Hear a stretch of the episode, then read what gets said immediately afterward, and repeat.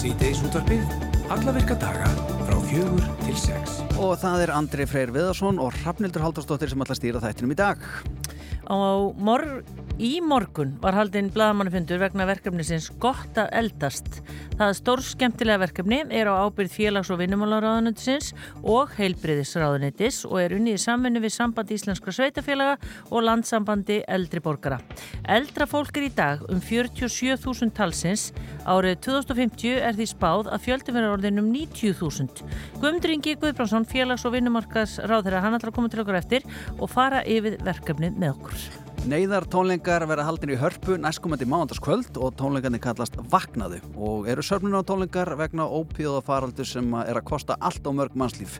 Marta þekktasta tónlistafólki landsins kemur fram þar og má til dæmis nefna Bubba Mortens, Rökku Gísla, Múkisson, Emsu Gauta, Jónas Sig, Herran Hettusmjör, Unu Torfa og mun fleiri. Dr. Helga Sif Fríðansdóttir, sérfræðingur í skadamingun og geðhjúgrunafræði kemur til okkur eftir ásand Eleni Kristjánsdóttir sem að einnig kemur fram á tónleikunum og ásand Venjusangvænt mætir Alli Fannar Bjarkarsson til okkar í dag í dagskráliðin með með vikunar og í dag hann ætlar að segja hann frá stelpu í bláun sófa sem að stormar nú um internetið. Mm -hmm. Hilda Jana Gísladóttir bæjarfulltrúi samfélkingarinnar á Akureyri laði til að bæjarstjórn laði til í vor að það er sko, gerð göngugata göngugatan yrði göngugata og þá myndi það vera loka fyrir bílaumfærð alla daga í júni, júli og ágúst og með undantegnum þó fyrir reyfihamlaða, sjúkra og slökulisbíla og vörflutningar á fundi skipulagsráðs í, í morgun, í gærmorgun var til hann felt og hljóta það að vera mikil mómbrið fyrir bæjarfulltrúan Hildi Jönu og eflaust marga fleiri. Við ætlum að heyra í Hildi í þættinum. Og svo er það brandarabúntið Pétur Jóhann sem ætlar að koma sterkur inn á árun 2023 með sprengklægilega síningu og glænýtt efni. Síningi ber heitið Pétur Jóhann óhæfur en við í síðdæðsutofnu við teljum hann nú þokkalega hæfan til að fara með gott grín upp á svið. Eða hvað? Pétur Jóhann uh, er væntalegu til okkar í þáttin. En uh, við ætlum að byrja á okkar manni í Brussel sem er venjulegur í Brussel en uh, hann laði reyndar á sig að ferast fyrir okkur til Brús í þetta skiptið og við erum að sjálfsögða að tala um Björn Malmqvist. Sætt og blessaði Björn. Sættvertu Andri. Nú er ég frettarittari í sítiðis út á sinns í Brús. Ja, og... Nei, og kirkjuklökunnar? Wow. Heyrir, heyrir því í klukkanum? Já, wow. það, það kom eitthvað smá. Ég var einmitt að hlusta á það, það var bara það var sko, því líkur konsert hérna á, á hann, en ég sett semst á aðaltorkinu í Brugge eða Brús Aha. og er að horfa á þennan dásamlega fallega klukkuturn sem að blasir við hérna fyrir fram að mig og er reyndar svona eitt helsta aðdráttar að uh, ferðarmennsku hingað, heyrið í herstólunum. Já, Já en, en hvaða bæri er þetta? Segð okkur. Þess að Brugge er, er um það fyrir klukkutíma frá, með lest frá, frá, frá, Brussel, afskaplega gott fyrir svona dagstúra frá, höfuborginni. Út við strand uh, í Belgíu, uh, gamall vestlunabær var gríðarlega mikil, mikilvæg vestlunabær svona meðöldum. Svona tengingin milli sko Hansabandalagsins í Norður-Európu og síðan Kaupmanna og Spánu og Ítalíu. Hérna var gríðarlega mikið höndlað og kannski ef við, sko, ef ykkur rámar í það sem að stella, vest, sem að stella, hérna, sem að stella vestmannsæði með um daginn að sko hérðan kemur hérna nafnið Börs eða sem sagt Kaupöll það sem var, það var svona, svona fjölskylda hérna í brú sem heit Börs. Já. og fólk fór heim til þeirra til að vestla hlutabriði alls konar fyrirtækjum þannig að þaðan kemur nafnið. Já, en svo náttúrulega sko var þetta svona svo fór vegur brús eitthvað minkandi svona eins og, eins og, eins og gengur og, og, og svona þeirra framleiðustundir. En hins vegar þá slapp þessi bær nánast algjörlega við eðileggingu bæði í fyrir heimstyrjöld og setni heimstyrjöld þannig að hann er alveg sneisa fullur af gríðarlega fellugum byggingum þar að með þessum, þessum klukkusturn þessum klukkusturn Já. sem var byggður sko bara uppálega held ég í kringum 1240 Já, já, já. brandtvissar en stendur núna 83 metra hár og það eru 366 tröppur upp í toppin þannig að akkurengar þurfa að aðeins að bæta í, í sínar kirkjutröppur að ætla að ná þessu. Segðu, ég er að fara að labba hann upp á Geggjað. Eh, svo nú... Ég er svona, svona farin að pústa, ég, sko, ég er farin að pústa fyrir það sko. Já, já, já, já. En svo náttúrulega gerð kvikmynd sem heitir In Bruges. Er það eh, um, um þenn, eh, gerðist hún í þessum bæ þá? Herðu, hún er, hún er, sko, það er gaman og myndist á þetta, Andrið. þetta er náttúrulega eina af mínum uppáhaldsmyndum og ástæðan fyrir því að ég hef komið nokkrum sinnum til Brús, ég kom inn það síðast, þá, þá bara fór ég svona á, í svona leiðangur til að leita upp í tökustæði fyrir þessi kveikmynd sem er, sem er hérna, þessi mynd sem er með Brendan Gleeson og Colin Farrell Akkurat. og fjallar um tvo leigumorðingja sem eru sendir til Bruce eftir að, eftir að hérna eftir að, eftir að morð sem er fremja í London uh, svona fer svolítið illa eins og þú kannski tekir, þú tekir söguna Jú, ekki? og, og hún er sérst tekin nánast að öllu leiti hér í brús þar að meðal í þessum blessaða klukkuturni. Og, og hérna fyrir þá sem að hafa séð myndina þeir vita hvernig hún endar. Ég ætla ekki að fara að upplýsa um endan fyrir þá sem að uh, hafi ekki séð myndina en hún endar, ég var að segja, bæði, við, svona, svona bæði vel og illa. Uh, en, en sérst klukkuturnin leikur stórt hlutverk sem á þetta torg sem á margir aðri staðir hér í brús sem er, sem er hérna gaman að rölda á milli og svona svona, svona, svona finna, leita að og finna. Ég fór meira að segja á hótelið þar sem að morðingarnir gistu, það, var, það er hér í Brús eitt af flottustu hótelunum í Brús. Og það er gaman að segja frá því sko að, að hérna, mm, það voru sérst senur teknar upp í hótelinu á hótelherbygginu og í stegaganginum fyrir að hérna, Ralf Fjenn sem er leikur glæpafóringja er að reyna að skjóta, skjóta Colin Farrell og ég lappaði inn, á, inn í andrið í hótelinu og horfið á stelpuna sem verið í aðgrúslinu og hún svona, svona horfði mig tilbaka og ég sagði hérna, er þetta hótelið? Já, þetta er hótelið og er, er það að gera út á þetta sem sagt? Já, ég meina, hún sagði sko, þú ert svona 15.000. maðurinn sem að kemur hingað inn og vill hérna, vill sjá hérna vinkilinn frá, frá, frá gólfinu og upp á aðra hæð þaðan sem að hérna, þaðan sem að Ralfjörn lítur upp eftir og hérna Colin Farrell er að fela sig Já. Þetta var, ég var ekki fyrsti gesturinn til að koma að inn og spurja Þetta er eins og að dýrasta hóteli í Brús þannig að ég hafði ekkert efna á að vera þar en, en það var gaman að koma þar inn En nú er það spurningin, er sumarið alveg komið? Veistu það, ég þóri alltaf að tala um veðrið Nei, ekki gera það, ekki gera Jú, það. Nei, jú, það- ég vil vita. Ég var beðin um að spyrja, margir eru nú á leiðinni til útlanda, er það komið?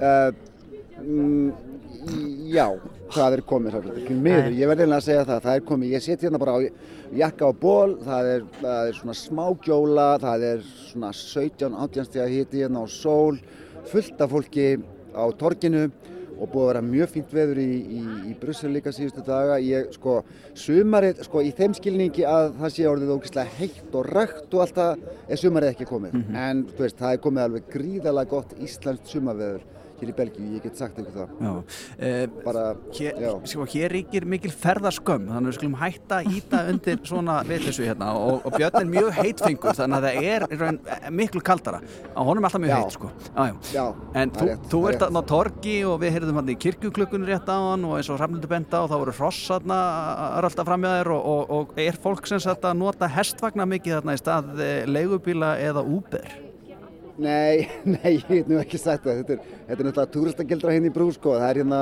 það standa hérna 5-6 hestvagnar út á torgi og býða eftir túristum sem að, sem að láta glepjast af því að, hérna, að einhvern veginn að sita aftur í, láta hestin rölda með sig í gegnum svona gamlar götur, svona, hvað heitir þetta, svona, æ, þú veist þessar götur með, með þessum steinum öllum. Já. Hérna, nú, sko, nú er það dottuð um mig hvað það heitir, en, en þú veist, og það heyrist svona í hófunum og það heyrist og þú getur setið og ímyndaðar og sést sko konungborinn og veifir til mannfjöldans eða hvað veit ég. Já. En hérna, en, en, og ég veit ekki eins og hvað það kostar mér, þetta er ekki eins og í huga að fara það, að gera þetta sko, en hérna, hins vegar, uh, sko, ég er ekki búinn að fara upp í turnin, Andri Nei. og Hramildur, en, en ég ætla að gera það.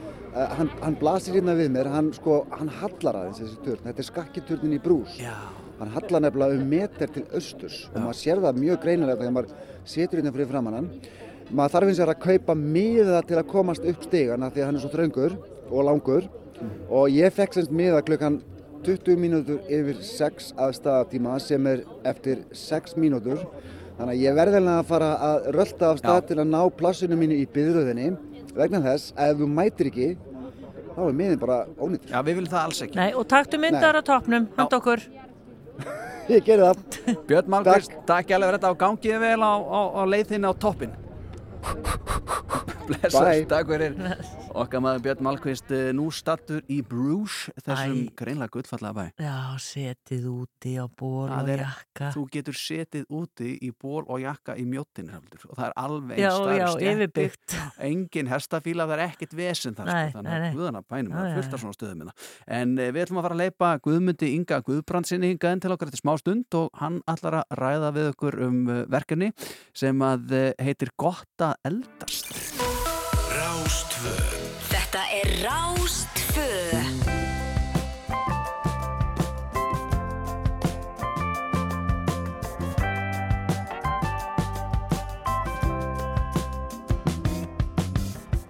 Við einhverjum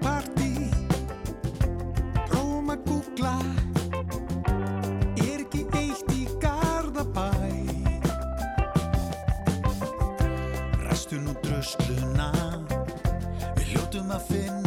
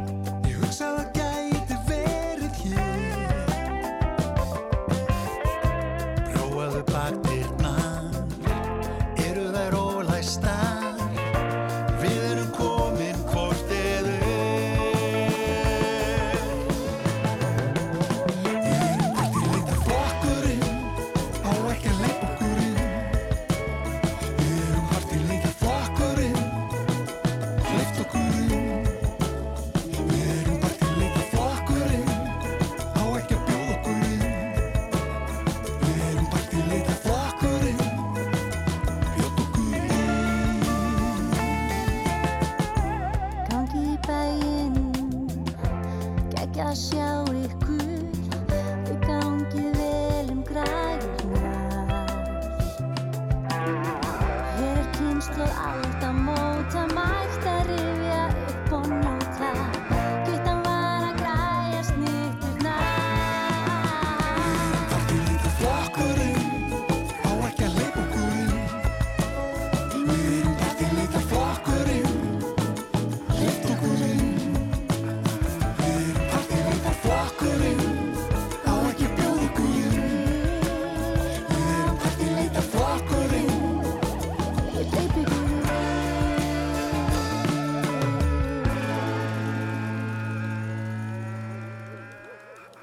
Þetta er eh, Birgitta Haugdal á Bakalút, eða Bakalút og Birgitta Haugdal segja það bara og þetta er eh, já, nýjasta frá Bakalútsfloknum, Partileita flokkurinn. Í morgun var að haldinn bladamannafundu vegna verkefni sinns gott að eldast og það stór skemmtilega verkefni er á ábyrð félags- og vinnumarkas og heilbriðis og er unnið í samvinnu við samband íslenskra sveitafélaga og landsamband eldri borgara. Og eldra fólk er í dag um 47.000 talsins og árið 2050 sem er bara handa við hotnið, Andri, þá er því spáð að sá fjöldi verið orðin um 90.000. Hingaði kominn Guðmundur Ingi Guðbrandsson, félags- og vinnumarkaðsráðara. Velkomin. Takk jálega. Já, hvað er það að segja? Hvers vegna hérna, var verið að rýna í þennan hóp uh, og haldinn bladamannafundur? Já, vegna þess að við vorum nú að klára á þinginu núna í byrjun mæ, eh, sem sagt það var samþygt þingsáleiktunatillaga sem að er í rauninni þessi aðgerðar áallin sem við köllum gott að eldast og hún fjallar í rauninni um ákveðna umbyltingu í þjónustu við eldra fólk sem að við viljum ráðast í. Þetta eru 19 aðgerðir í, á 5 sviðum og um, við vildum kynna þetta sérstaklega ásamt því að þarna var greining eh, KPMG á svona því sem að þau kalla kostnaður og ábættagreining á, á þjónustunni. Það er að segja að það eru þetta kostnaður sem að fylgir þjónustunni en þau voru að draga fram kannski, kannski í fyrsta skipti sko hvaða eh, tekjur eru síðan að koma eh, vegna þess að eldra fólk náttúrulega borga skatta. Já. Og það er tölur eiginlega, já, koma kannski óvart af því það er alltaf að tala svona pínu niður til þessa hóps. Já, við höfum kannski verið svolítið á þeim stað að tala um eldra fólk sem byrði en ekki virði meðan við viljum reyna að snúa þessu við að, að eldra fólk sé virði en ekki byrði. Og því miður að þá hefur það kannski stundum verið svolítið þannig að uh, það er sett í samhengi við, við kostnað. Uh, mér finnst það mjög ósangjast bara vegna þess að uh, út frá þeirri einföldu ástæðu að eldra fólk er búið að ganga í gegnum allt lífið gefa sitt til samfélagsins uh, hvort sem að það er félagslega eða fjárhagslega og taka þátt í að byggja upp það Ísland sem við eigum í dag sem að er bísna gott samfélag þó svo að megi vissulega gera mun betur á mörgum sviðum Mhm. eins og njöldum alþjóða samanbyrði að þá erum við velseldar samfélag sem að hefur vegnað sérstaklega vel á síðustu 50-70 árum. Þannig að e, þessar tölur þær eru eins og þú segir mjög áhugaverðar og til dæmis bara það að útsvarsgreðslur eldra fólks hafa fimmfaldar síðustu 15 ár meðan að, að kostnaðurinn við þjónustuna hefur, hefur ekki markvaldast jafn mikið og sama ef við horfum á uh, bara samanburðin á þeim tekjum sem kom í ríkisjóð uh, og þeir, þeim kostnaði sem að lagður er í, í þjónustuna. Þannig að þetta náttúrulega endur spekla kannski fyrst og fremst lífeyrissjóðskerfið okkar sem að er að verða sterkara og sterkara. Þannig að uh, ef við horfum á meðaltekjur eldra fólks að þá eru þær uh, farnar að nálgast 97% af, af, af meðaltekjum meðan þær voru 71 eða 2 eða 3, ég man ekki alveg hver talan er fyrir eh, 17 árum síðan. Þannig að þetta er náttúrulega mjög jákvæð þróun, þó svo vissulega séu ennþá hópar sem að, að þarf að gera betur fyrir, ég er ekki að draga úr því, en þegar við horfum á meðaltölina þá er þetta svona það sem við erum að sjá í þessu. Og kannski skilabóðin í þessu eru svolítið þau fyrir sveitafélögin að það borgar sig fyrir sveitafélögin ef við bara tölum um þetta út frá sko, tölum og, og, og hagrænt að laða til sín eldra fólk með því að bjóða upp á góða þjónustu og halda vel utanum þennan hóp, reyna í raunin að halda fólki sem lengst heima sem að er einmitt markmiði með aðgerrar áallunina, að veita fólki, að gera fólki kleift að vera lengur heima hjá sér. Um, þannig að, að hérna, já, þetta er svona komin, þetta er komin enn einn einn raukstuðningurinn fyrir þeirri stefnu stjórnvalda sem að byrtist í aðgerrar áallinu gott að eldast að reyna að færa þjónustuna meira í þá átt að fólk geti verið lengur heima hjá sér. Já. Og ef við bara ef við bara setjum þetta svona beint fyrir framann okkur, þú talaður um fjölgunina sem við megum eiga vona á næstu 30 árum, sem er nærrið í tvöföldun í fjölda á eldra fólki, að þá getum við kannski spurt okkur, við getum, getum borið saman valkosti. Við getum til dæmis sagt, heyrðu, eigum við að halda áfram á þeirri leið að um, fólk fari inn á hjúgrunarheimili eða viljum við reyna að veita þjónustuna uh, áður en fólk þarf að fara þangað inn í meira mæli, sérstaklega heima við, en líka með aukinni dagþjálfun, endurhæfingu og öðru slíku og ég held að svarið við þessu allavega í mínum huga er já, ég vil frekar að við getum búið fólki betra líf lengur heima hjá sér og það gengur aðgerrar áallinu út á vegna þess, það eru tvær mjög góðar ástæðir fyrir þessu. Önnur er svo að það sem að við sjáum í nágrannalöndunum uh, og rannsóknir hafa sínt er að um, það að veita góða þjónustu heima, þar sem við erum að samþætta heilbriðisþjónustunum eins og heimahjúgrun og félagsþjónustu sveitafélaga eins og heimastuðningin að það leiðir til betri heilsu og, og, og líðan eldra fólks er að fælka sjúkrahúsinnlögnum og endurinnlögnum og er að fyrirbyggja eða jafnvel e eða senka dvöl á hjúgrunarheimilum Já. og samahátt, ég maður bara rétt bæta Já. við það þýðir líka spartnaður í kerfinu vegna þess að dýrastu úrræðin okkar eru hjúgrunarheimilin En, en annar svona húsnæðis vandi, því ofta nú talað um þegar fólk vil gå, til dæmis bara selja húsin sín og minka við sig og þess, þess, þessi hlutir allir eru mjög flóknir og bara allt og dýrir. Er það einhvað eitt af því sem er nefnt í þessari aðgerra áallin?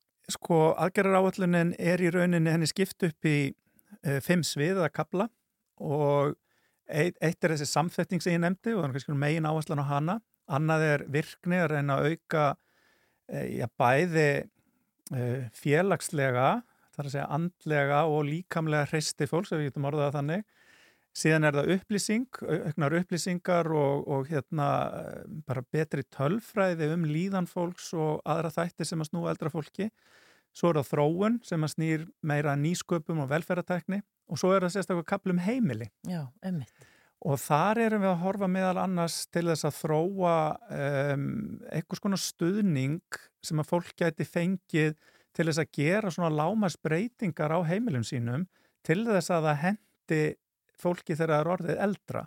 Kannski komið með göngugrind eða jafnvel í hjólastól og þú þarfst kannski að taka niður þröskulda eða uh, breyka hérna, dyrnar inn í stofun eða hvað það er eða gera fólki kleift að búa einni hæð í- þegar þeir eru búið á tveimur eða eitthvað slíkt. Sko núna ef maður lítur svona bara á sitt nánasta fólk sem að, eh, er að eldast og, og ennú bara þokkala svona en það verðist alltaf vera svona skítrullur hættu að eldast einhvern veginn að það verður alltaf einhvern veginn allt tekið að, eitthvað tekið að þeim með að fá einhvern veginn bætur og svona og, og það má einhvern veginn ekki eiga neitt og eh, sumir fara ímsa krókaleið til að, að samt að eiga hlutina sína sem er náttúrulega bara pínu svona bagalegt. Er það inn í aðgerra einhvern veginn verður það eitthvað öðruvísi? Sko þessi aðgerðar áallun lítur fyrst og fremst að þeirri þjónustu sem að fólk fær Já. og snýr þá meira að, að helsu og því hvernig við eldumst eh, ekki af afkomi fólks. Eh, það, ég er enda með starfsóp í gangi sem er að ásand fjármálar á þeirra og innviðar á þeirra sem er að horfa á sérstaklega afkomi fólks, sveigjanlega starfslokk og, og reyndar líka húsnæðismál. Um, þar sem að við erum kannski fyrst og fremst að einbytta okkur að þeim hópi eldra fólk sem að e, lökust hefur kjörin vegna þess að við viljum, við viljum reyna að mæta því fólki sérstaklega Eh, það er margt fólk, eldra fólk sem að hefur það fjárhagslega gott en það er ekki allt eldra fólk sem hefur nei. fjárhagslega gott Nei, nei. og það er nú það sem að í mínum huga á að vera hlutverk stjórnmálamanna að, og það er bara því að ég er vinstri sinnaður að þá vil ég horfa á þetta þannig að við þurfum að jafna aðstöðu fólks um, þannig að, að þau sem að, að, að ríkið stökkvi inn í grípi fólk þegar að bjátar á og þarf að tryggja framfæslu þess. Um, aðeins stærra samhengi, nokkuð mér kannski að segja við erum í rauninni með mjög umfangsmikla kerfisbreytingu í gangi með þessu verkefni. Vegna þess að við erum að færa áherslur í þjónustunni frá því að vera inn á stopnunum Mhm. yfir í það að vera inn á heimilum fólks. Það er mjög umfangsmikil breyting og hún mun alveg taka tíma. Þetta verður ekki hérna, í næstu viku sem við, við munum sjá, sjá hérna, árangur af þessu. Heldur meira er þetta til lengri tíma litið og um, við erum hins vegar, ætlum að byrja þetta þannig að taka fyrir nokkur svæð á landinu þar sem að verður þá samstarf sveitafélaga sem eru að veita heimastuðningin eh, og heilbreyðistofnana sem eru með heimahjúgrunna. Þannig að í dag þegar að báðir aðilar er að senna þessu hvori sínu lægi að þá ertu með ábyrðina á þjónustunni heima í heimahúsi þá er hún á, hjá fleirin einum aðila. Við viljum breyta því, hafa ábyrðin á einum stað. Það er til dæmis sagt að dreifa þá betur heimsóknum til fólks. Einhvern tilfellum er kannski um, hjúgrunafræðingur að koma uh, á sama degi og manneskjan úr félagsþjónustunum meðan að væri eskilega að dreifa því, líka bara upp á öryggi og annars líkt, og að samhæfa vinnuna.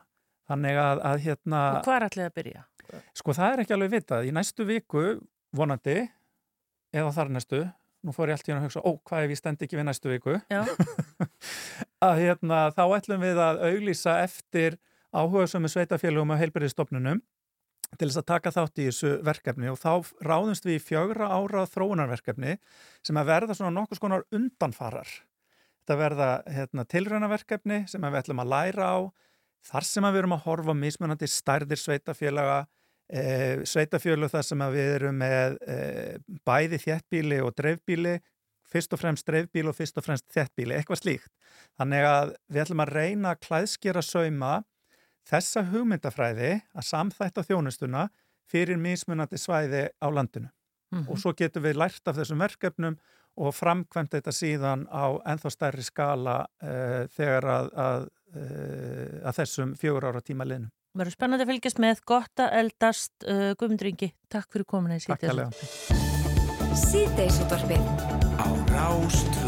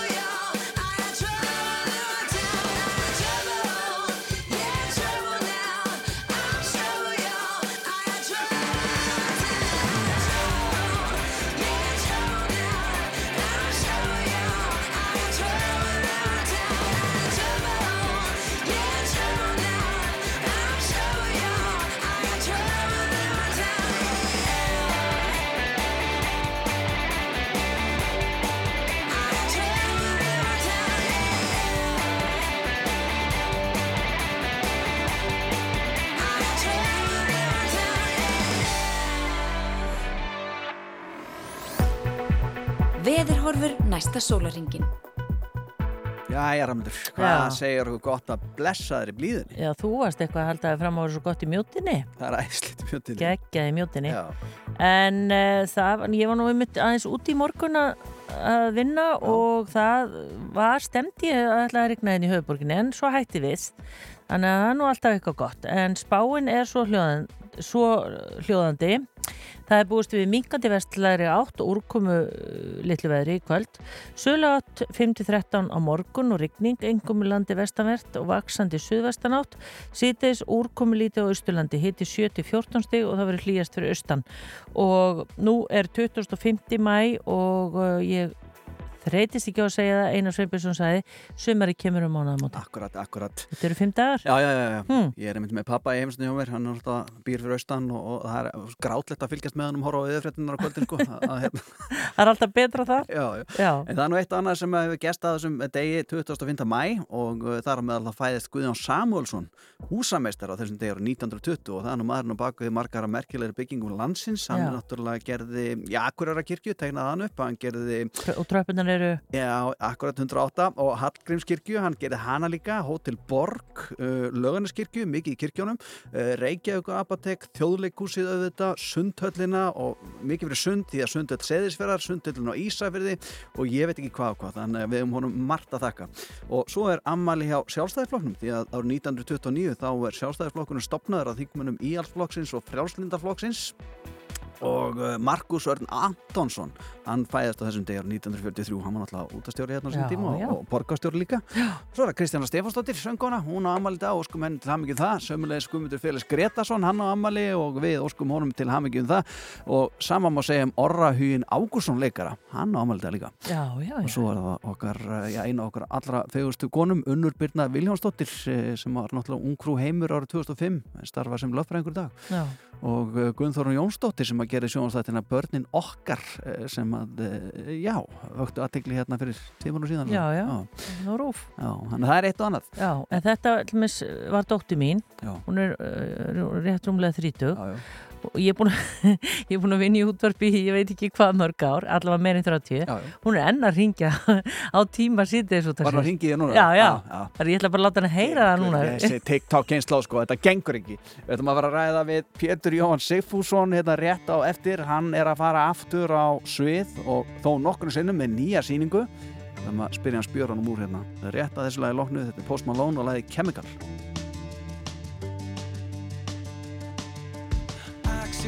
close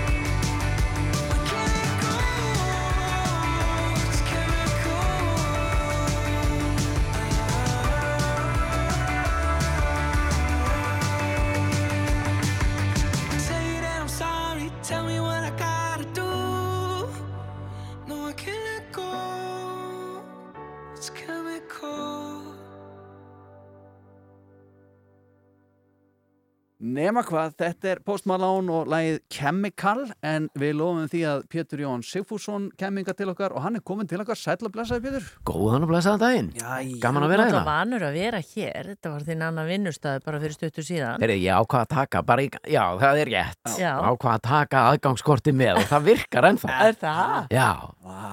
ég var náttúrulega, uh, fekk að vera hérna með hann og Dóta Lilla í morgunútdorfinu á föstudum Já. og það var talað um mars og apríl Já, já. En það er komið mæ, ég er ennþá með kortið. Akkurat, ekki segja, Ég- frá, ekki segja frá þessu Með hvað? maður. Ég er búin að því. Erum við byrjuð Þú að... geta komið hérna að borða með okkur í hátiðinu og svona, nota bara kortið og svona Á, já, ég klúraði Já, þessu. þú glöður þessu alveg En fínt. ég minna, haldið að Stefán Eiríks sé eitthvað að hlusta? Nei. Jú, hann hlustar alltaf. Jú, hann, já, Okkar maður Stefán? já, já, hann er að hlusta Herru, þá skal ég bara tala við hann. Já. Stefán minn, þetta er Pétur Jóhann hérna. Herru, ég er með aðgangskorti, við erum ekkert að fara að loka á það. Er það nokkuð gallið minn? Það held ég ekki. Pétur, sko, talandi um það, þú sko virðist tolla illa í vinnum. Þú, Já. þú hérna ferði... Laukrétt. Þú hefur komið Komið víða við. Hansi víða við. Já. Og við munum nú eftir því þegar að þið voruð saman henni útvarpun á sín tíma. Þá Já. náttúrulega varstu fyrst starfsmæður í Bíkó Já, og uh, það gekk bara þokkalega vel. Já. og Varstu veliðin þar og svona. Já. Og svo ákvæmst að hætta þar og fórst í útvarpið. og ég ákvaði ekkert að hætta þar. Ég var keiftur yfir. Já. Keiftur yfir, var keiftur yfir úr, Já. yfir í Íslensku útvarsfélagi sem þá, eða hétt það þá. Já, já. Um, og, og ég var keiftur yfir á lægri hlut. Það er að segja, sko, ég var með 175 húskall á mánuði. Já. En þegar ég fór yfir í Íslensku útvarsfélagi þá fekk ég bara 140 eða inn á 150 skall. Sko. En þú gerði þetta samt, Frábær Já. saman. allt fyrir fræðina. Já, nei, það var líka færri, voru t- færri tímar, sko. Ég, Já. því að við- ég, var- í, í, í, í Bíkó var ég frá 8 til 6. Já. Já, það var aðeins færri klukkutíma sem að þurfti að vera þannig í útvarfinu, sko. Þetta er magnað, Næs. sko, en, en þú, sko, svo eh, fórstu líka að leika í bíómyndum, það var gaman að sjá þið þar og þú Já. er ennþá stundum að leika eða ekki. Já, já, Já, já, þú ert ekki hættu því. Nei, nei, ég er, sko, ég er hérna, er að leika, sko. Já, já, já, já. En hérna, Eitthvað sem þú mátt ekki segja. nei, þú veist, þetta er alltaf bara, hvað, ég, ég held sé ekki einfaldast að orða þannig að ég bara vinn fyrir þann sem að ringir í mig. Uh, þú veist, Já. nánast. Þetta er svolítið eins og að vera yðnaða maður, get ég trúa, pípari, rafvirki, málari, smiður. Mhm.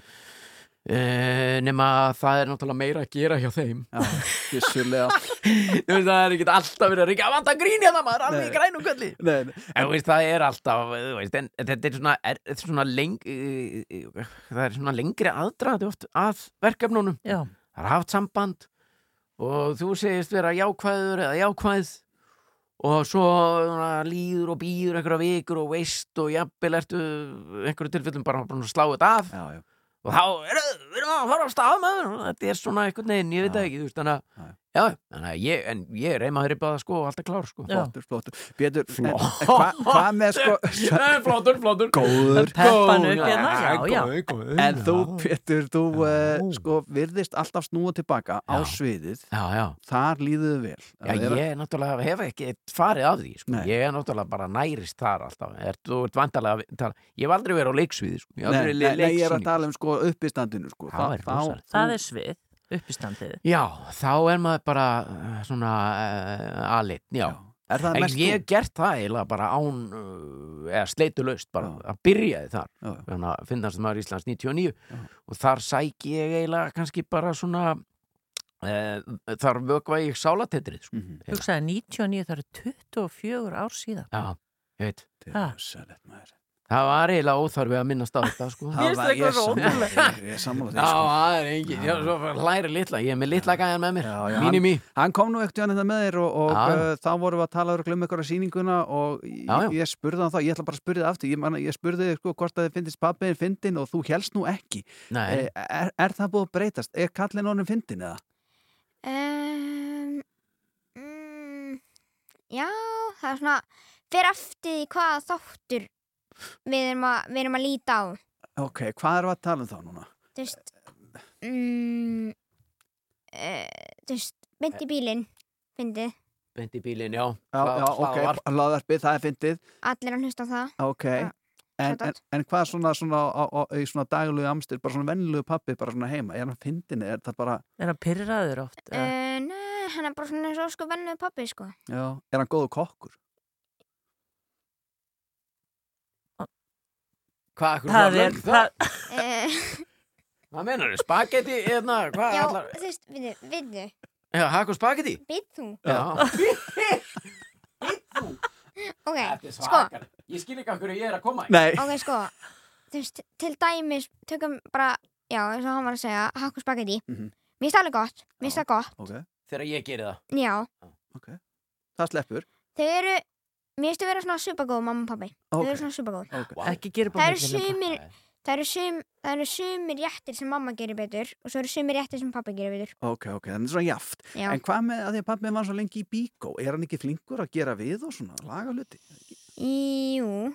Hann er Það. Er hans. En hann var hann var, hann var hann var nú ekkert bara hann var nú ekkert bara að vinna vinnuna sinni í bíkó. Hann var nú ekkert að hann var nú líka eitthvað að slóra og Já, gera sló ykkur að gera ykkur að gera ykkur að veit þessu Er hann latur? Nei, alls Nei, ekki. nei. mamma, mamma, ef mamma hingir og segir kannski bara farið í bónus og keipti bara ost, Mm. skinku og bara appelsínur. Ok, þá fyrir hann bara já, beint í verkið. Já, hann gerir það. Já, já, flott. hann er hann er, hann er, sérst hann er, all, hann er allt annað latur. Ok, þetta er gott að heyra. Þetta þú nú vandaði þarna, Já. þetta er vel Þú gert. er búin að taka Já, það? já. Þú er búin að Já, já. taka það síðan þú voru hérna síðast? Ég geri það sem mér er sagt að gera og ég geri það strax. Það er bara, það er engan sérstaklega það er mamma Já. Já, Já, það er líka Bara- eina leiðin. hún bara réttir honum hún bara réttir honum næsta kjól bara farið með þetta í farið með þetta í viðgerð og hann bara já, já, já, já. Já, bara strax. Vá. Réttir honum næsta kjól. Það er myndið viðgerð. Já, strax af Já, stað Þetta verðist þeirra fyrirmyndafæðir, það er flott að, gott að heyra þetta. Eh, Pétur, þú ert komið nýja sýningu á stað sem heitir Pétur Jóhann Óhefur. ekki beint ný, en já Já, en þú ert að fara aftur og þú ert að, Já, þú ert að ég- vera að vekja mikla aðdeglar á árið þessu ári. Já, ég er búin að vera að fleiga þessu Já. hinga og þanga, fleiga því, ég meina svona, ég, svona, ég er búin að vera rosa mikið út á landi Já. Ég sá þeim eitt, sko, ég er búin að sjá þeim nokkur sem svona vídeoklipu og þetta er hlaupanir í kjallarinn og ölveri. Já, Já.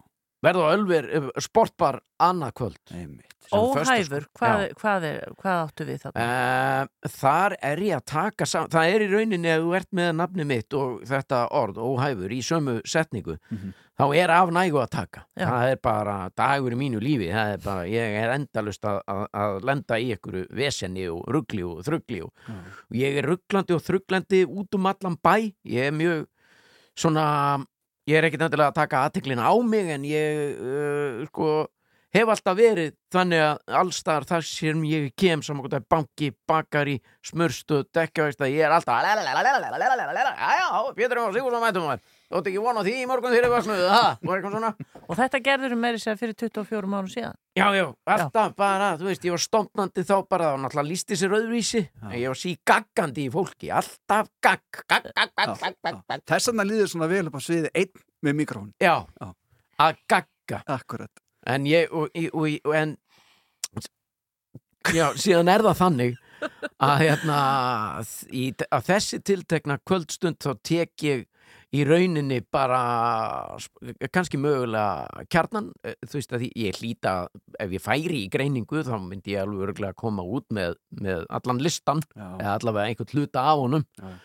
uh, sem ég hef ekki gert, ég hef ekki farið í slíkt sko, Nei, en ég næ alveg mjög góðum fókus hér, ég næ fókus í vinnu, Já, en svo er það þar á milli með þessum gæja í samfélagi mannana, fara með kjólinn í, í viðgerð og fara að kaupa mjólk og skinku og svona, þar er ég að missa fókus og missa, bó- þar er ég bara Já. Þannig að þú er- ert með þennan digga aðstóðamann með þér sem að Já. hjálpaði með þetta. Já, hann er gott. Að, við glemdum aftur, býtu hvað heitir aftur?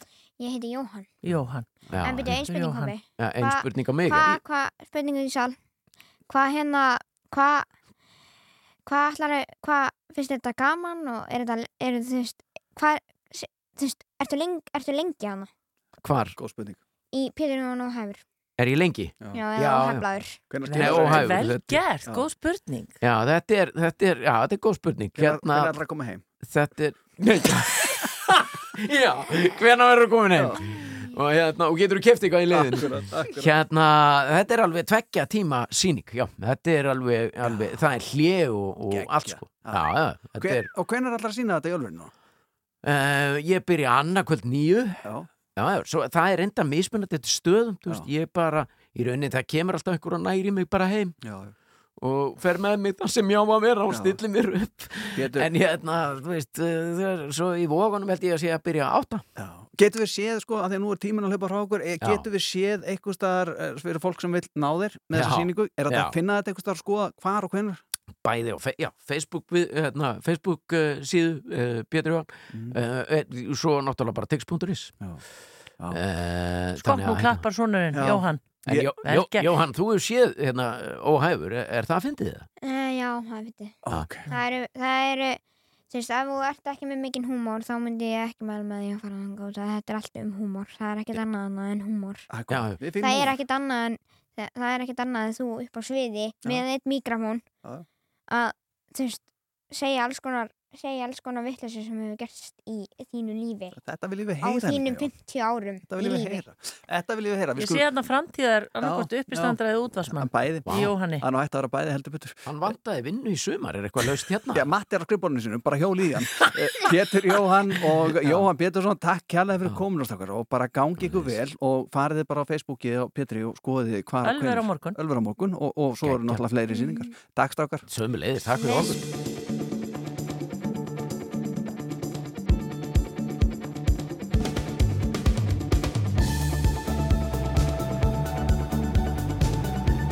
Jæja, þá Það er- eru þeir feðgar að yfirgefa húsið. Já, það er ekki hverjum degi sem við fáum svona fína aðstofamenn í, í útsendinguna Nei, mætti vera meira þess. Þetta er annað þín börn, við veit ekki eins og þú sért í út. Já, maður inn í beinu útsendingu.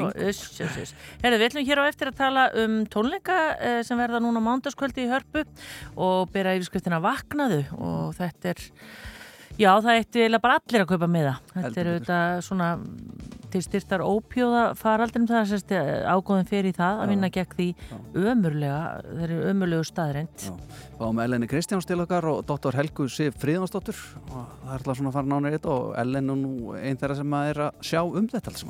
Svo er það Hildu Jana. Já, við ætlum að ringi hana. Hún laði fram til í bæjastjórn á Akureyri að loka göngugrutunni í sumar. Það er að segja bara fyrir vennilegri umberð en hini mættu nú fara sem þyrftu hann og ættu brínt erindi. En til að hann var fælt. Já. Ha, Og svo er það með með vikunar. Alli Fannar Bjarkarsson mætir hérna og hann ætlar að segja ykkur frá uh, stelpu og bláum sófa. Þetta verið storma um neti núna sko. Og uh, já, og svo við að leipa hana sjálfsögðu hérna fyrst á, þetta fer allt í ganga, við að leipa fréttstofuna og, og hlýða á nýjustu fréttir.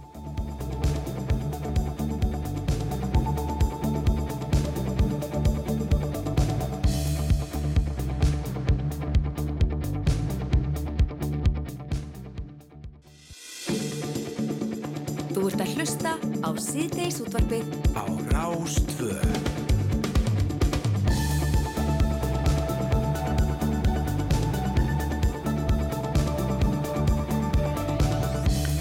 Núna á mánudaginn verða haldnir e, neyðartónleikar í hörpu og þessi tónleikar e, bera yfirskriftina Vaknaðu og þetta eru svefnunatónleikar vegna ópjóða faraldus sem er að kosta allt og mörg mannslíf og margt af þekktasta tónlistafólki landsins kemur þarna fram og það má nefna Bubba, Röggu Gísla, Múkisson, MC Gauta, Jónas Sig, Herran Hötusmjör, Unu Torfa og marga, marga fleiri.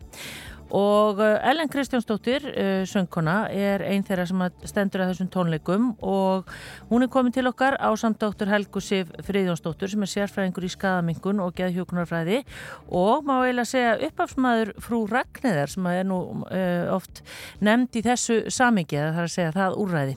Velkomnar. Takk hella. Ef að byrja þér Ellen, bara er þetta þín hugmynd eða hvað? Þessi tónleikar? Já, þetta er mín hugmynd. Þú bara vaknar eitt morgunin eða, eða gast ekki sofið? Nei, ég, ég misti frænda minn. Voru hérna 23 ára sem að hérna óvidósaði og, og gati ekki einmitt sofið og hugsaði hvað get ég gert og svo er ég búin að vera að syngja í jarðaförum yfir ungu fólki og, og ég er mjög kvatvís svo ég ringdi, bara byrja að ringja og það, það voru bara, það bara gerðist það var bara byrja að ringja í í hérna í Eldborg. Þekk Eldborg og svo Rauðakrossin með okkur og þetta er bara verið svo kraftaverk og allir listamenninir svo já, Já. allir að gefa vinnunum sinna alveg frá aðlögu Og það er, hérna, þetta er semst á mándaskvöldi, miðasalan gengur ótrúlega vel. Já. Það er bara, ég ætla ekki að segja orðið uppselt en það stefnir í það. En það er auðvitað að styrkja þetta með öðrum hættu. Við förum kannski yfir það á eftir og þetta verður náttúrulega sínt í sjónvarpinu. En aðeins uh, að þér, uh, Helga Sif, þú nú starfa lengi í þessum geira. Uh, hvernig slá þessar fréttiði núna, þú veist, umræðan er einhvern veginn, já, hún hefur oft verið hávær en hún er einhvern veginn á hápunkti núna, Mhm. hvað þennan faraldur varðar. Einmitt, einmitt. Uh, mér finnst í rauninni kannski yfirskrift tónleikana að vera afskaplega lýsandi, bara vaknaðu, vaknaðu samfélag og, og förum að tala saman, tölum saman um uh, og göngust við því að raunveruleikin er sá að fólk notar vímöfni, uh, lögleg vímöfni og ólögleg vímöfni og tölum saman um hvernig hvernig hjálpast það við að draga úr því bæði nýgengi vímöfnanótkunar og, og þróum þá vímöfna vanda með forvörnum og, og þá meðferð og aðgengja meðferð og svo frammeðis uh, en ekki síður með skadamingandi inngrip í heilsinni og skadamingun sem hugmyndafræði hefur kannski í huga okkar hérna meira tengst kannski jáðarhópum fólki sem er heimilislaust að nota vímöfni í æð og svo frammeðis eh, en erlendist að þá hef, er skadamingun í rauninni reglifur hugtak yfir alls konar inngrip sem við getum notað til að hjálpa fólki sem að hérna einhver luta vegna kýs að nota einhvern vímugjafa til að gera það á sem örgastan hátt.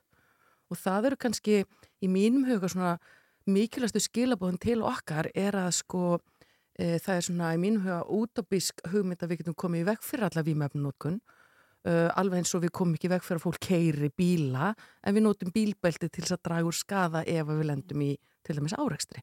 Þetta er svona sambærileg hugmynd. Uh, annað svona kannski lýsandi dæmi sem að með þetta kjartan í hugsi samengi er sko uh, þetta fyrirbæri designated driver sem við all þekkjum að við förum hérna saman út á, á lífið og, og einn er valinn til að vera bílsturinn verið auku hefa ástætt og keira alla öruga heim sem er, þetta er inngrip og viðbrað markasett sem líðhelsu átak til að draga úr sérstaklega bílsli sem að völdum bara fólk sem var að keira ölvað við kannski myndum segja að þetta var í forvörn eða eitthvað en þetta er í eðlisinu til að draga úr skaðsemi. Mhm. Þannig að það er kannski komið svona tími til þess að við sem samfélag fyrir að skoða betur hvað getum við gert til þess að hjálpa unga fólkin okkar Mhm. sem sagt komið veg fyrir þess að draga úr nýgenginni, nýgengi segi ég, en fyrir þá sem einhver luta vegna velja að nota einhver vímugjafa þau geti gert það með örugum hætti. Já. Um, tónleikanir bera yfirskriftana vaknaðu og uh, nú er ég eitt félag sem að uh, fór á walk fyrir ekki löngu síðan og hann hefur farið áður og það er nokkið svakalega langt síðan, er örfa ár síðan fór síðast og fór svo aftur núna nýlega og hann uh, svona sagði mig það að hann hefði bara reynilega verið í áfalli yfir því hvað var mikið á ungu fólki sem var bara svona kringum tvítugt sem var með þessu svona glíma við ópíða frákvörf og annað slíkt. Mm það verist vera að flestir séu sofandi yfir þessu öllu saman eh, nema náttúrulega þegar kemur að því eins og Ellen Lindri að frændina fellur frá og hún er að syngja jarðaförm og svona Mhm. Eh, er ástandið miklu verra en svona, já, almenni borgari heldur? Mm, ég held að við séum í rauninni kannski Íslandi eins og öðrum löndum að sko, koma að segja svona uh, það sem eru trendin í vímuöfna nótkunna, hvaða vímuöfni eru í nótkunna hverjum tíma breytist bara. Það er bara mjög ör breyting og tekum við af hvaða svona afþrengarefni við vorum að horfa á, hvað er reynilega bara flutt inn til landsins og svo framvegis. Um, það er því miður vill það svo til að sagt, eitthvað af þessum ópjóðaefnu sem að fólk er að nota eru mjög svona ávanabindandi. Uh, Oxycontin hefur nefnt í því samingi þannig að það er sérstaklega mikil svona fík sem þróast mjög rætt í það sem kannski skýrir mögulega afhverju það verður svona hérna uh, mikil umræða það í samfélagni. Uh, en á sama tíma erum við líka glíma við það að það efni hefur mjög alvarlega, getur haft mjög alvarlega aflenga, það er öndunabælandi lif og stundum uh, vill svo til að þeir sem eru að nota þetta sérstakar lif að þeir kannski drekka eitt bjór með sem hefur líka öndunarslefandi áhrif. Mm. Þannig að þá eru við búin að margfalda mögulega áhættuna af að þetta eru líka svona skada með einhvern skilabóð sem við þurfum bara öll að vera meðvitið um. En svo eru líka einhver, einhver lif, var lögurglunni að segja mér, sem eru búið að blanda sem að eh, enginn skilur alveg hvað hann er að koma. Sem Já, að sett eitthvað saman sem að er... setja eitthvað saman sem að, já. Já, og þannig að þetta, uh, krakkandi vita í rauninni ekki neitt hvað er að taka einstundu. Nei, það er Já. þessi strimlar, sko, að, að, að geta aðtugað, sko, að því náttúrulega yfirleitt vil fólk vera, sko, að passa sig. Og, ég held að þeir muni gera mjög mikið Mhm. að því þau eru ekki fara að hætta þessu. Unga fólki er að prófa sig áfram og sumir eru bara svona ótrúlega óheimnir. Það er bara mm. annarkvæmt taka, ég hef heyrt líka að taka einu sinni og vakna svo bara ekki aftur upp.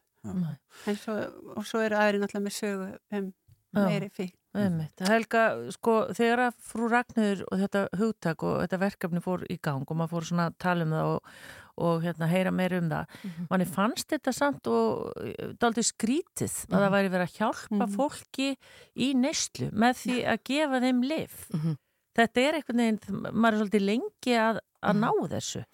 Já og það er bara frábúrtu skuli svona kannski laða þetta fram í umræðinu og við erum sko þetta er kannski sá málaflokkar eða málefni sem að við töljum hvað mest um út frá tilfinningunum okkar og kannski svona erum kannski ekki alveg nógu dúlið til að skoða bara hvað sé rannsóknur okkur og svona fyrst þegar vorum að fara að stað e, með frú Ragnæði og skaðamikun í því samengi þá var kannski ákveðin miskilingur um að, að við vildum bara taka út forvarnir og meðferð, gaggrænt og forvarnir og meðferð og setja bara skaðamikun Uh, en það er alls ekki þannig, við viljum hafa allt, alla þessa samfellið, það verða að vera gaggrindar forvarnir í samfélunum okkar, gaggrind meðferðarform og fjölbreytt, þannig að, að það hendi mismunandi markkópum, við vitum að fólk er með mismunandi þarfir, hvað var að meðferð og svo skada mikuna þjónusta uh, mismunandi útfarsla út frá aftur þörfum þessa mismunandi hópa. Og nú erum við kannski með svona þann hóp sem, við, sem er kannski að nota í æð og er meira sækið fyrir ragnæði en svo erum við með einstaklinga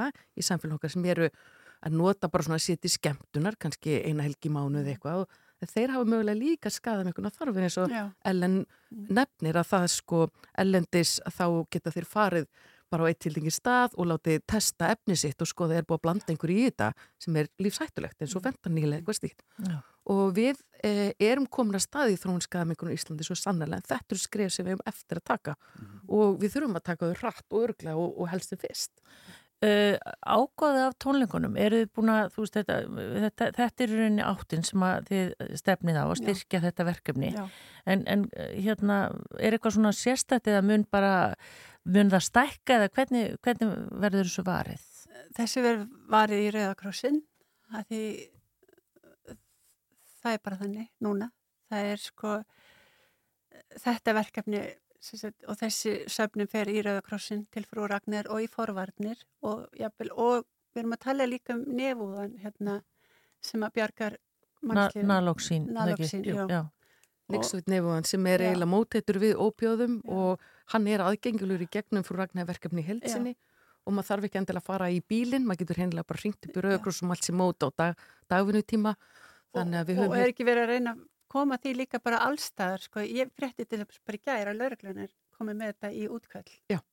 það gerist bara í síðustu viku Já, hugsa sér. Þannig að Það er hlutur að gerast. það er hlutur að gerast þannig að sko, og ég fór til dæmis í- til, í frúragni bílinn og það var alveg eye-opening ef maður sletta Já, að, já. þú veist, að sjá að því maður hefur vissa sín á, á einhver svona undir heima eða þetta sé- eins og í bíómyndum eitthvað svona en það var eitthvað svo fallegt það sem þau eru að gera, þau eru að bjarga mannslífum því það getur eitthvað komið þarna og, og sprauta sig einu sinni eða, eða út í bæ og, og, og verið orðin fárveikur smitast af livrabólgu eða HIV þannig er náttúrulega verið að koma í veg fyrir það, það, það, það er svona það, ég var svolítið svona rugglu með þetta, Já, þetta þetta því, og mér finnst margir að spyrja um þetta en af hverju fyrir lengra komna? En, en þannig í rauninni eru forvarnirnar sko líka því það, er sem þau eru að vinna að með því að vera það er svolítið erfitt að útskýrta sko, en en allavega fyrir mig þá fann ég að þetta er uh, það sem við þurfum að gera Já. og við þurfum líka bara að vekja mennina sem ráða hérna, fólki sem ræðir öll hérna, heilbriðiskerfi er náttúrulega bara í mólum mm. það er náttúrulega bytnar á, á innlagnir fyrir, fyrir fólk sem er, að ég heyri að það sé náttúrulega miklu, miklu, miklu erfiðar að, trappa fólk niður af þessu ópjóðalefum heldur en til dæmis áfengi. Og einhver sagði mér, einhver læknir sagði mér að það þyrfti að vera kannski sér deildir fyrir það. Einmitt, já.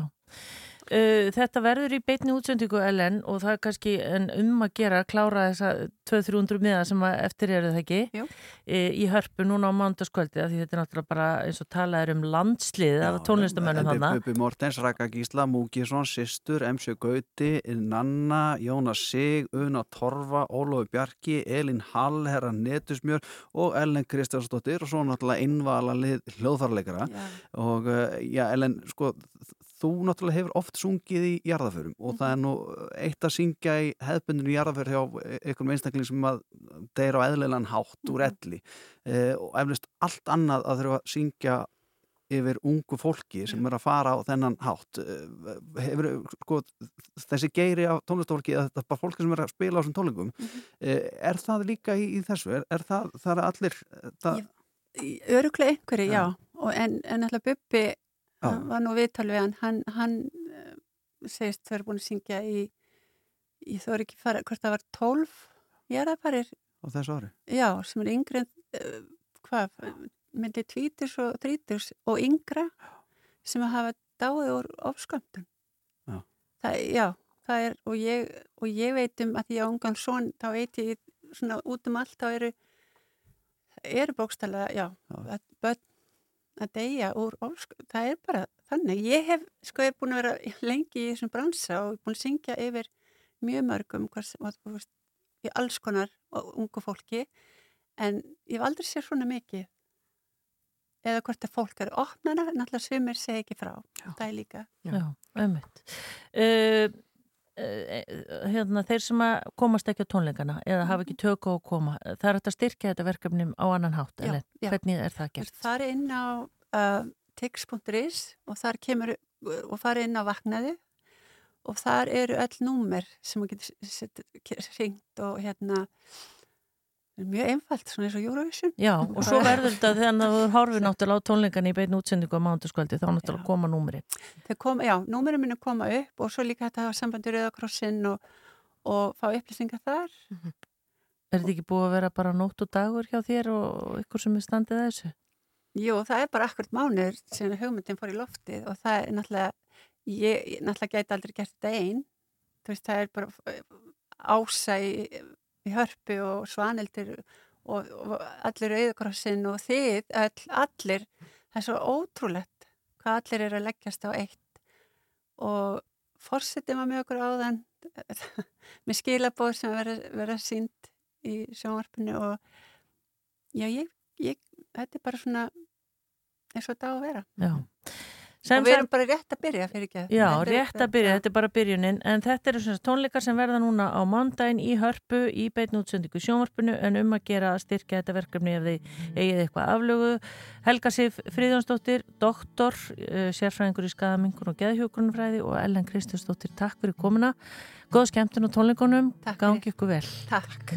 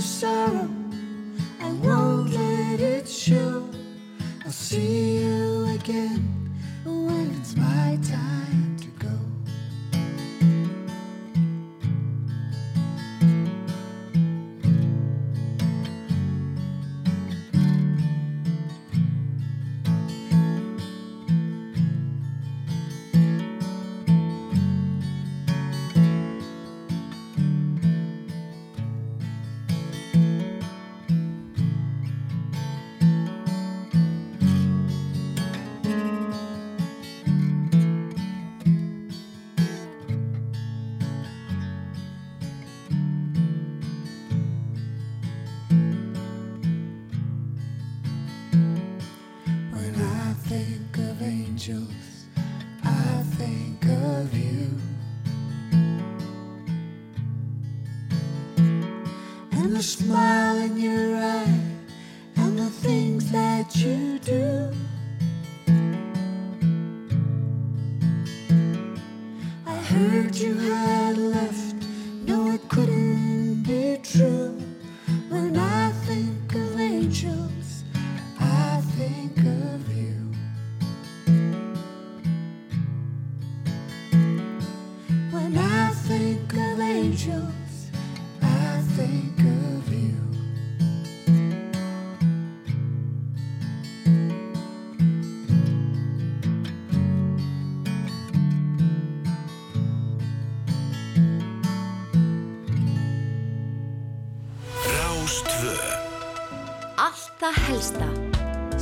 Júlio Torpedo.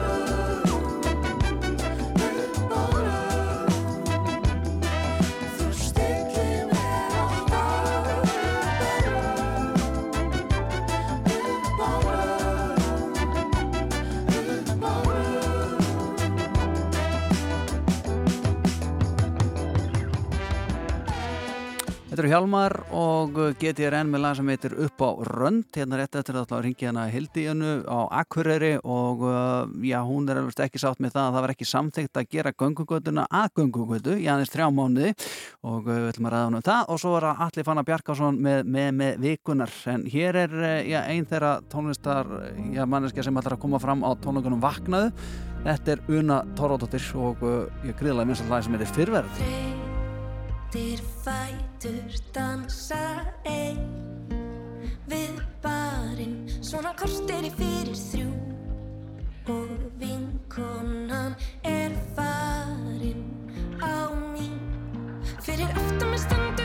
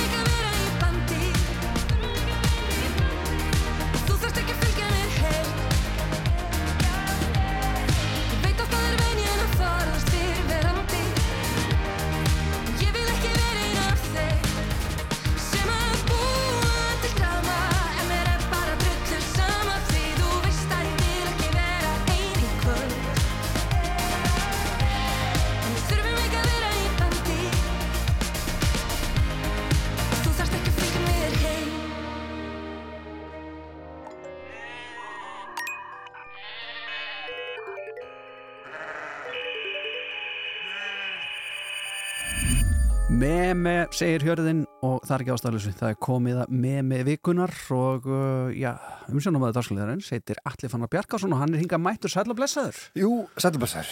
Jæja, Alli minn, eh, lo, logar uh, netið eitthvað staðar þessa vikuna? Já, núna finnst mér svolítið gaman að koma til þín vegna þess að, hérna, ég með svona alveg hefbundið memi. Já.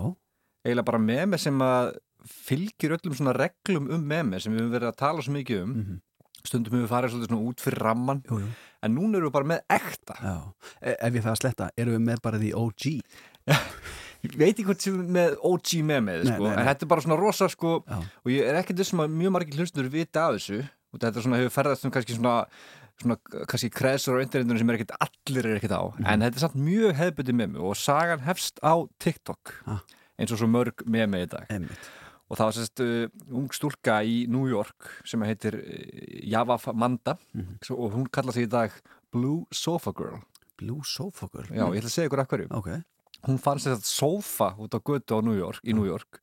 Ekki frásugfærandi Ekki sem væri nú svo sem ekki frásugfærandi nema hún gerir myndband á TikTok sem að sýnir þegar hún segir ákveðna sög finnur sófan sem er bara út á, út á götu og þetta er vist alveg svona smá þengi í New York að fólk hendur húsgrunni sinni út á götu og aðri geta nýttu og, og eitthvað svo leiðis og þarna, hún segir að sófinn sé 8000 dala virði Já. Þetta er svona blár svona sófi sem að svona, svona eins og svona einhverjar svona kúlur.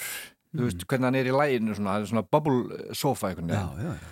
Nefna, hún segir þetta sé á 8000 dala virði og eftir fransku hönnuðin uh, Roche Bobois. Já, frábær hönnuður. Já, einmitt, einmitt, einmitt, þú þekkir hann. Já, og nema hvað, þau sagt, taka sófan og þrýfan og, og, og pappina hjálpar henni, þetta var þess að hjálpar henni að taka sófan inn á, inn í, inn á vinnustofu og sér og þau þrýfan alveg hátt og látt og, og fara með henni inn í íbúðun hennar Já.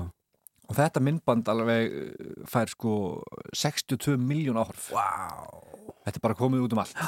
Og þessi sófi bara veginn er orðin, orðin heimsfrægur og, og alveg miljónir læka og þessu, allir að pæla í þessum sófa. En svo gerir svolítið þegar svona, þetta verður að þessu memi sko. þá, þá þarf þetta að fara aðeins lengra. Þetta er náttúrulega komið mjög langt en svo fór þetta yfir á Twitter. Og þar er fólk að byrta myndir á sófanum og, og Það komið litlir eldar. Já, og þá, sko, þá ef þetta gerist það sem að þarf að gerast til þess að verði alveg með mig. Þá fer þetta vekja deilur. Fólk er aðeins að rífast um sófan mm. er það ekki það sem gera svona alltaf á internetinu? Eitthvað, já. eitthvað fallegt gerist Já, já. finnur sófa. Já, sem að, sem að gett nýtt, nýtt gamla sófa en svo fólk, fólk, fólk að já. Þetta er eftirlíking, þetta er ekki svona, eitthvað svona Já, já, já, fólk, já, sko, fólk að, einmitt, ef að stumann sé eitthvað mikils virði, fólk var að segja að þetta væri af AliExpress, þetta Mhm. væri nú bara einhver, einhver, einhver, einhver eftirlíking og svo var fólk að gaggrina hana fyrir bara hennilega að taka sófan Æ. og hann að. Já, einmitt, ég sófi, þetta var bara einhver skítur sófi fyrir utan einhverja byggingu Já.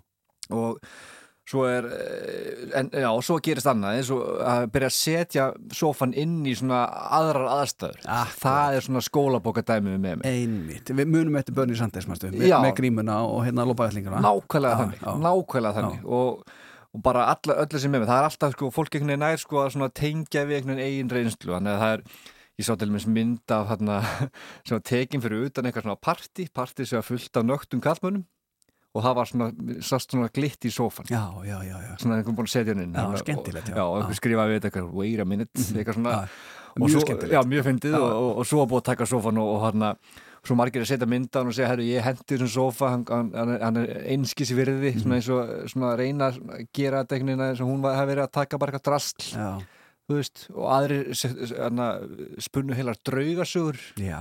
eh, um að einhver hefði hent sófa og hann sem væri, sko, væri reymt á, á, á sófanum, sko. Já, já. og, og hann hún Það er líka Já, hún var að taka svona einhver draugasófa Mhm. sem væri svona ferðarsmilli fólks svo myndi hún hendunum og einhver annar myndi finna og það eru bara komið kvikmynd. Einmitt, frábæra mynd. En þannig að svo sko eh, er hún svolítið búin að, búin að hún er orðin alltaf svona frekar fræg fyrir þetta, einmitt, farin að kalla sig Blue Sofa Girl. Já. og komið með alveg 20.000 fylgjenda á, á TikTok, þetta er svolítið búið að svona, eh, búið að eh, breyta lífi hennar svolítið. Og hún er búin að byrta annað mymband um sófana sem er búin að svara spurningum um sófan þannig að hún þarf að svara fyrir að til dæmis að þetta sé eftirlíking. Já. En hún bendir á að, og byrti mymband og síndi sko miðan Mhm. á sófanum sem að, og miðin segir segi vissilega Ro- Roche Boubois Frábær hönnuður. Geggjör já. franskur. Já, og oui. og hún er svona sína líka svona velta fyrir sér af hverju hún var hent og sýnir að hann var nú smá rifin en hún, hún bara felur það með, með púðum. Já, og það sé líka sko eftir, eftir að vera mjög vel- vel þrifin að það er búið að hana, það er alveg blettir í honum. Já. en svo var hún líka að svara þeim sem er sögða að vera í honum sko einhverja pöttur Mm. að það getur hún ekki verið, hún væri búin að búin að fara alveg í gegnum hann sko. Og pappi, pappi með. Já, já, já, bad bugs Já. þá var að tala um að það, það var örgulega bad bugs í þessu. Hún er hún alveg blæs á það og er líka svona að reyna að sva- svara fólki sem heldur að þetta sé bara eitthvað drasla Sófinn fannst nú fyrir utan sko svona eh, heimili ríks fólks. Já. Og hún segir að rík, ríkt fólk skiptir um húsgrunni á sér mjög reglulega og hann er ekki skrítið að þau vilja bara henda sófanum þannig að hún er svona þurft að svara fyrir þetta en, en er sko en hún ber sér vel og er, hann, er bara mjög hress og kátt með þetta alls saman og þessa aðtikli sem þessi sofið fengið Mhm. sem er núna orðin heimsfrægur, blái sófin og, og ég hvet fólk til að Mun hún selja hann? eða Er hún alveg eitthvað til því? eða? Það er þetta sko spurning, hún er mm, sko, hún, ég held að það sé ekki á dagskráninu núna, vegna þess að hún er mjög mikið að sína hvað sófin er flottur heima hjá henni. Hún er í svona lítilli New York íbúð og síndi hvað sófi var fyrir. Þetta er fallið sófi Þetta er, þetta er svolítið cool sófi Já. sérstaklega svona það var eitthvað mjög svona boring sófi þannig að það sem hún var uh, fyrir. Já. og nú er hún komið hennar bláa svona einmitt, bublu sófa, þetta er, er mjög sérstætt útlut og fólk ætti að reyna að finna hann. Ég er að skoða hann hérna, hann er rosalega fallur hérna. Er einhver búin að hafa vita því að, að, að memega Blúman Group inn í kúlunar andlitinu? Það er þetta góð spurning. Eða eitthvað sem að við getum bara farið í núna eftir þátt. það er gaman þegar þeir reyfa svona munnin og svona það Já, já, sér sko, já. það eitthvað skemmtilegt sko. Já, Já. Já. Já, já, já, nákvæmlega Já. Það, veist, Ef enginn er búin að fá þessu hugmynd þá er náttúrulega komið núna á annarkvort eru við eða bara einhver hlustandi að fara að hjólið það núna Já, já. Að það er líka með þessi með mig ef einhver sem er að hlusta núna eða við tveir viljum fá einhverja aðtikla sem við erum að gera Já. þá er ofta þetta stökku á Einmitt. og, og, og þá erum miklu meiri líkur að fá einhverja dreifingu Mhm. þannig að ef við viljum gera eitthvað sem við einhverja aðtikli þá verðum við að finna kannski eitthvað svona frumlegt frumlegt svona teika á sófan Já, er, getum við allir þetta sko, þetta er eins og þú segir, þetta er bara mjög skýrt dæmi um meme, þetta er Já. stelpa sem finnur sófa, dregur hann inn hún á pappin að ditta hann um að gera hann fínan og hún tekur mynda hann og þetta fer og, og stormar um netið Já. og verður sangkalla meme og svo segir sko það er bara eins og allir allir á Breitland sem hafa hort á myndbandi sko, hvað sem séu ungir að aldnir það er með þeir 60 okkar miljónir sem er að horfa á þetta sko. e, gætu við hugsanlega ef að ég tek mynd af Gunnudís eða Hrafnild eitthvað sem að þær eru að borða eitthvað mat eða eitthvað, ég veit ekki hvað er að gera það er Já, eitthvað, eitthvað er í gangi, það er að sitja bara að hjólið sitt eitthvað svona. E, get ég svo búið til með mig úr eigin mynd og komið henni í, í, í, í, stormin Sko, það er ömmit, það er öflust mjög margir reynd Já. og öflust mjög mörgum mistekist Mhm. en þetta er auðvitað hægt þess að venjulegt fólk er á hverjum degi að lenda í þessu, í storminum sko. þannig að sko, ef að við myndum við gætum reynd einhvern veginn að við finnum eitthvað, eitthvað eins og Habbi og Gunnar náttúrulega væru mjög go go gott með mig það er að gera eitthvað fyndið sko. Mhm. þannig að við, okkur dettur eitthvað nóg gott í en svo er það líka í þessu sko, eins og þegar það er fólk, að þá er þetta oft svona eitthvað sem gerist og oft eitthvað svona pínu neikvætt, Já. eitthvað svona renn á rassin þannig að ef við myndum til dæmis rekja þér, þá gæti orðið eitthvað Einmitt. en þá er líka, en svo er það líka þannig að internet er búið til svo lengi, að maður þarf eiginlega alltaf að ganga lengur og lengra Já. Og svona rekkir, eins og bara venjulur rekkur eins og bara hurðasprengja í stúdíónu eitthvað, það myndi kannski ekki alveg virka nógu vel. En þyrfti bara að vera eitthvað sko eitthvað, að vera eitthvað inn í hurðasprengjunni springa á þær, viðbröðin stórkostleg það þarf einhvern veginn alltaf gangu upp. Kemur andin úr aladin úr, úr Já. spenginni eitthvað svona, segir eitthvað sko. Og ekki það, en, en svo er annað eins og með þetta, með hana sofa. Maður skilur ekki alveg hvernig þetta næri þessu flugi. Þetta var bara eitthvað kona sem fann sofa. Já. svo er þetta bara, um 62 miljónir áhorfa. Mm Manst eftir strákonum íslensku sem að voru í eitthvað svona leik með krana, setja vatn í glas uh, það fór, var Já, eitthvað já, já, um TikTok, daginn, já, já, það fór alveg já, að það já, stormaði já. heldur betur. Þannig að þetta kennir okkur það allir að minnstu hlutir geta orðið að Já. risa stóru memi. Algjörlega, 100% Já, sama og, og hver sem er getur lendið í að verða Já, vá. Allir manna Bergarsson, uh, takk fyrir að segja okkur frá Blue Sofa Girl og útskýra ennina fyrir, fyrir okkur hvað í raun og veru memi er. Þetta var sko heldur betur gott dæmi Takk fyrir mig Rástvö Síðdegis útvarpið Ekki slæmur félagskapur það Frá fjögur til sex á Rástvö. Said I was gonna take some flowers to my neighbor, but I ran out of time. Didn't wanna show up to the party empty handed, but I ran out of time. Said I walked the dog a little further than the driveway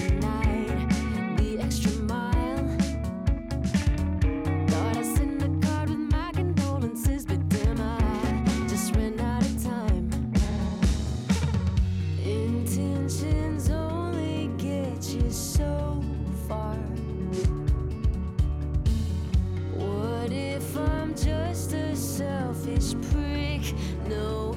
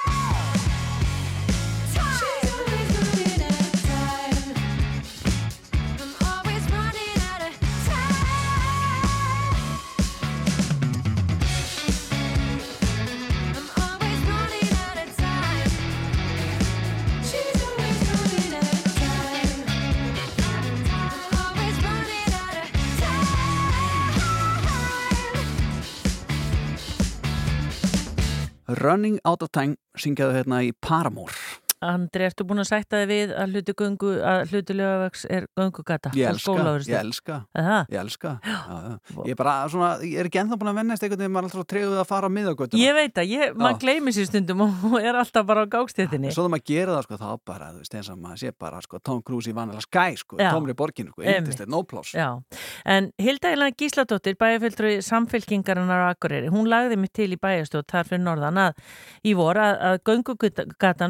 þar kallaða er þið lokuð fyrir bílaumferð alla daga í júni, júli og ágúst og þarna eru þetta undatekningar fyrir heifihamlaða, sjúkra og slökkubíla og vöruflutninga. Og svo var fundur hjá skipularsráði í gerðmorgun og þar var þessi tilaga felt og það hljóta að teljast mikil vombriði eða hvað Hilda Jana er á línni, kontur sælublessuð. Hæ, hæ. Jú, auðvitað er það vonbriði. Þegar maður leggur fram tilögu þá vil maður auðvitað að hún sé samþykkt. Já, hún, hún er náttúrulega miklu, miklu stittri heldur en eh, til dæmis okkar lögavögur og, og svona. Hvað, hva, af hverju Sko, þetta er, þetta er, hún er sko, hún er uh, 177 Já, hún er nokkrum metrum stýttir en fótboltavöldu, sko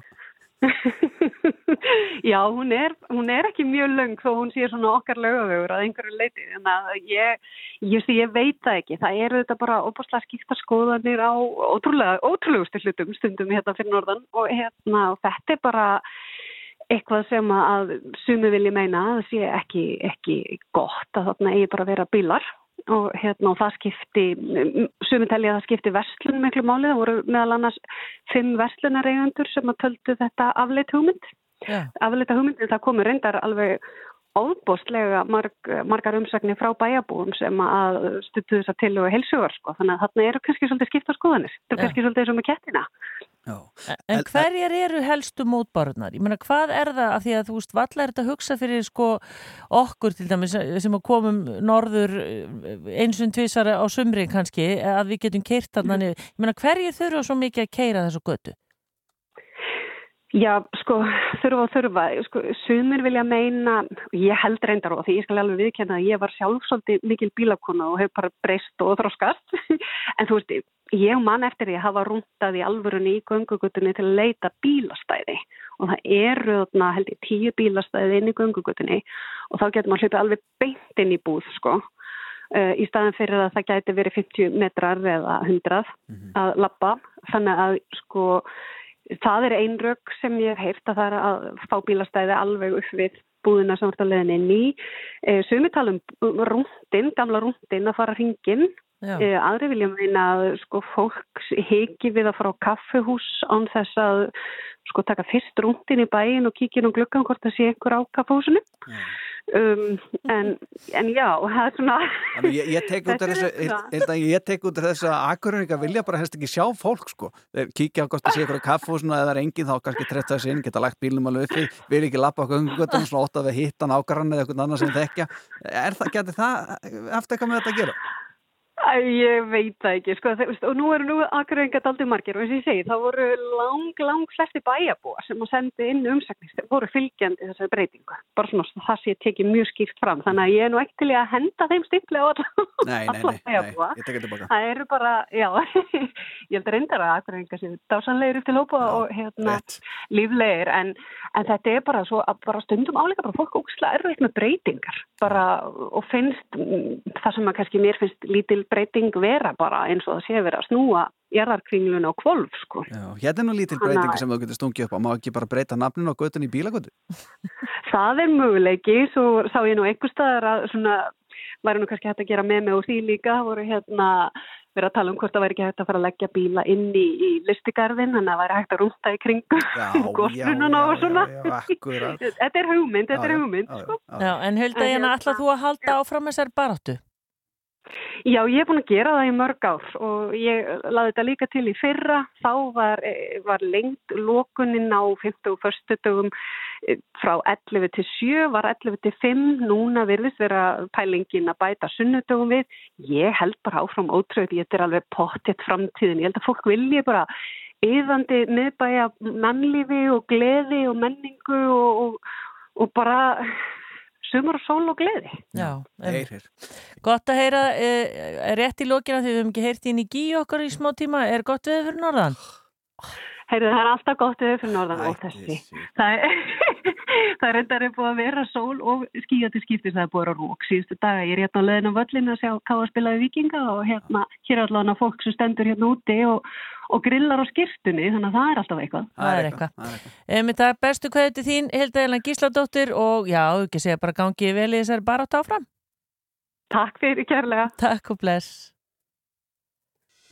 177 metrar. Já, þetta er ekki neitt. Ha? Þetta er ekki neitt. En þarf að fara á bíl og sjá hverju situr á kaffehúrfunu. Já, við erum hlutlaus, við erum. Hlutlaus, já, já, já. En uh, það náttúrulega fór ekki fram hjá nokkur manni að uh, já, drottningin Tina Turner, hún uh, hvað okkur í gær og það er nú búið að spila svolítið hérna á rásin í dag og já, við sögurum heiminn og það er nú já, svona streymi á lögum hennar hefur slegið nokkur skona met á, á streymisveitum Mm.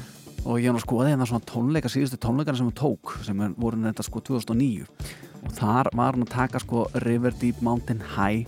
Eh, hún var að taka The Acid Queen náttúrulega, hún var að taka sko Help með Beatlunum og hún var að taka hérna eh, We Don't Need Another Hero. Var að taka What's Love Got To Do With It. Spæli tónleikum, Nutbush, Sheer Limit. Já. og ég veit ekki hvað. Og gaf ekkert eftir, hún var á flegiferð. ekki tommu. Og frábær manneskja og, og, og virðist vera allan með það sem að eh, hennar félagar í, í popinu og rockinu eru búin að skrifa um hana.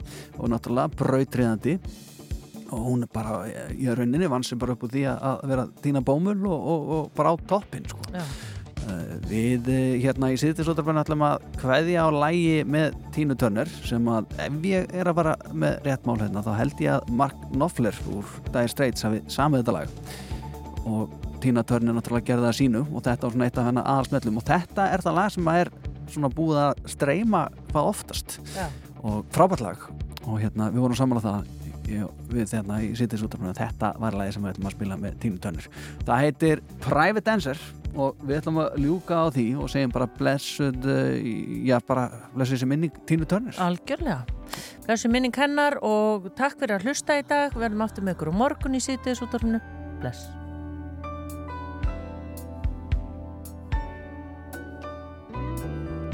Well, the men come in these places, and the men are all the same. You don't look at their faces, and you don't ask their names. You don't think of them as human. You don't think of them at all. You keep your mind on the money keeping your eyes on the wall. I'm your private dancer, a dancer for money. Do what you want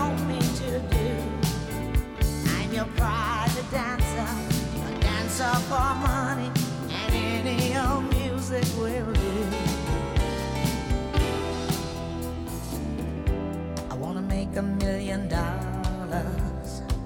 I wanna live out by the sea, have a husband and some children.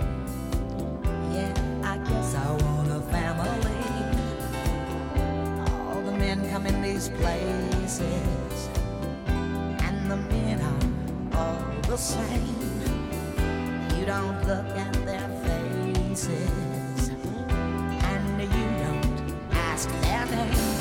your pride.